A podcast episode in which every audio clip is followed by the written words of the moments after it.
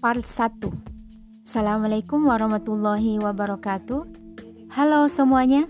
Semoga kalian sehat selalu ya. Dan jangan lupa bersyukur buat hari ini. Oh ya, sebelumnya aku akan ingetin yang sering keluar rumah jangan lupa pakai masker ya. Dan rajin cuci tangan juga. Dan yang paling penting, jaga salawatnya ya. Masa jaga kebersihan ngalahin solawat? Hmm, perkenalkan, nama saya Sumarni dari 18 Pai 4 IAIN Bone. Nah, di sini saya akan menjelaskan perilaku kepsek dan guru. Bagaimana bentuk upaya keduanya dalam menghadapi pelajaran di masa pandemi. Yang pertama, kepala sekolah.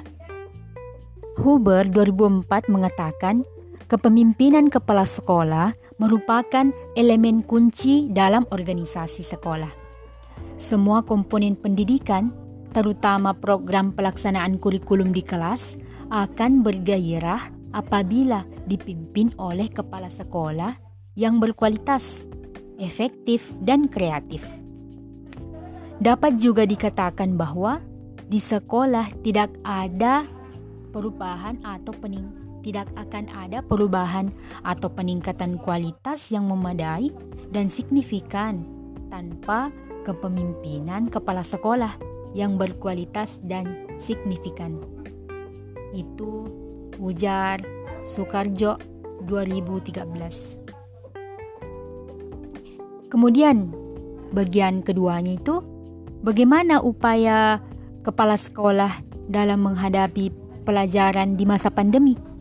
Nah, berangkat dari pandemi ini, kepala sekolah selaku manajer perlu membuat alur yang jelas untuk guru melaksanakan tugasnya di masa pandemi kepala sekolah perlu mereview kurikulum yang digunakan siswa belajar di masa pandemi. Kemudian, kepala sekolah itu menuangkan gagasan dalam rencana program tahunan dan mengembangkan manajemen partisipatif dalam pelaksanaannya. Nah, pertanyaannya itu kan kepala sekolah. Yang kedua, bagaimana dengan guru? Nah, berbicara mengenai guru, di sini perilaku guru itu guru berusaha membimbing siswa agar dapat menemukan berbagai potensi yang dimilikinya. Membimbing siswa agar dapat mencapai dan melaksanakan tugas-tugas perkembangan mereka. Sehingga dengan Ketercapaian itu, ia dapat tumbuh dan berkembang sebagai individu yang mandiri dan produktif. Kemudian, ada pertanyaan lagi nih. Ini kan masa new normal. Nah, bagaimana uh, guru menghadapi pembelajaran di masa new normal ini?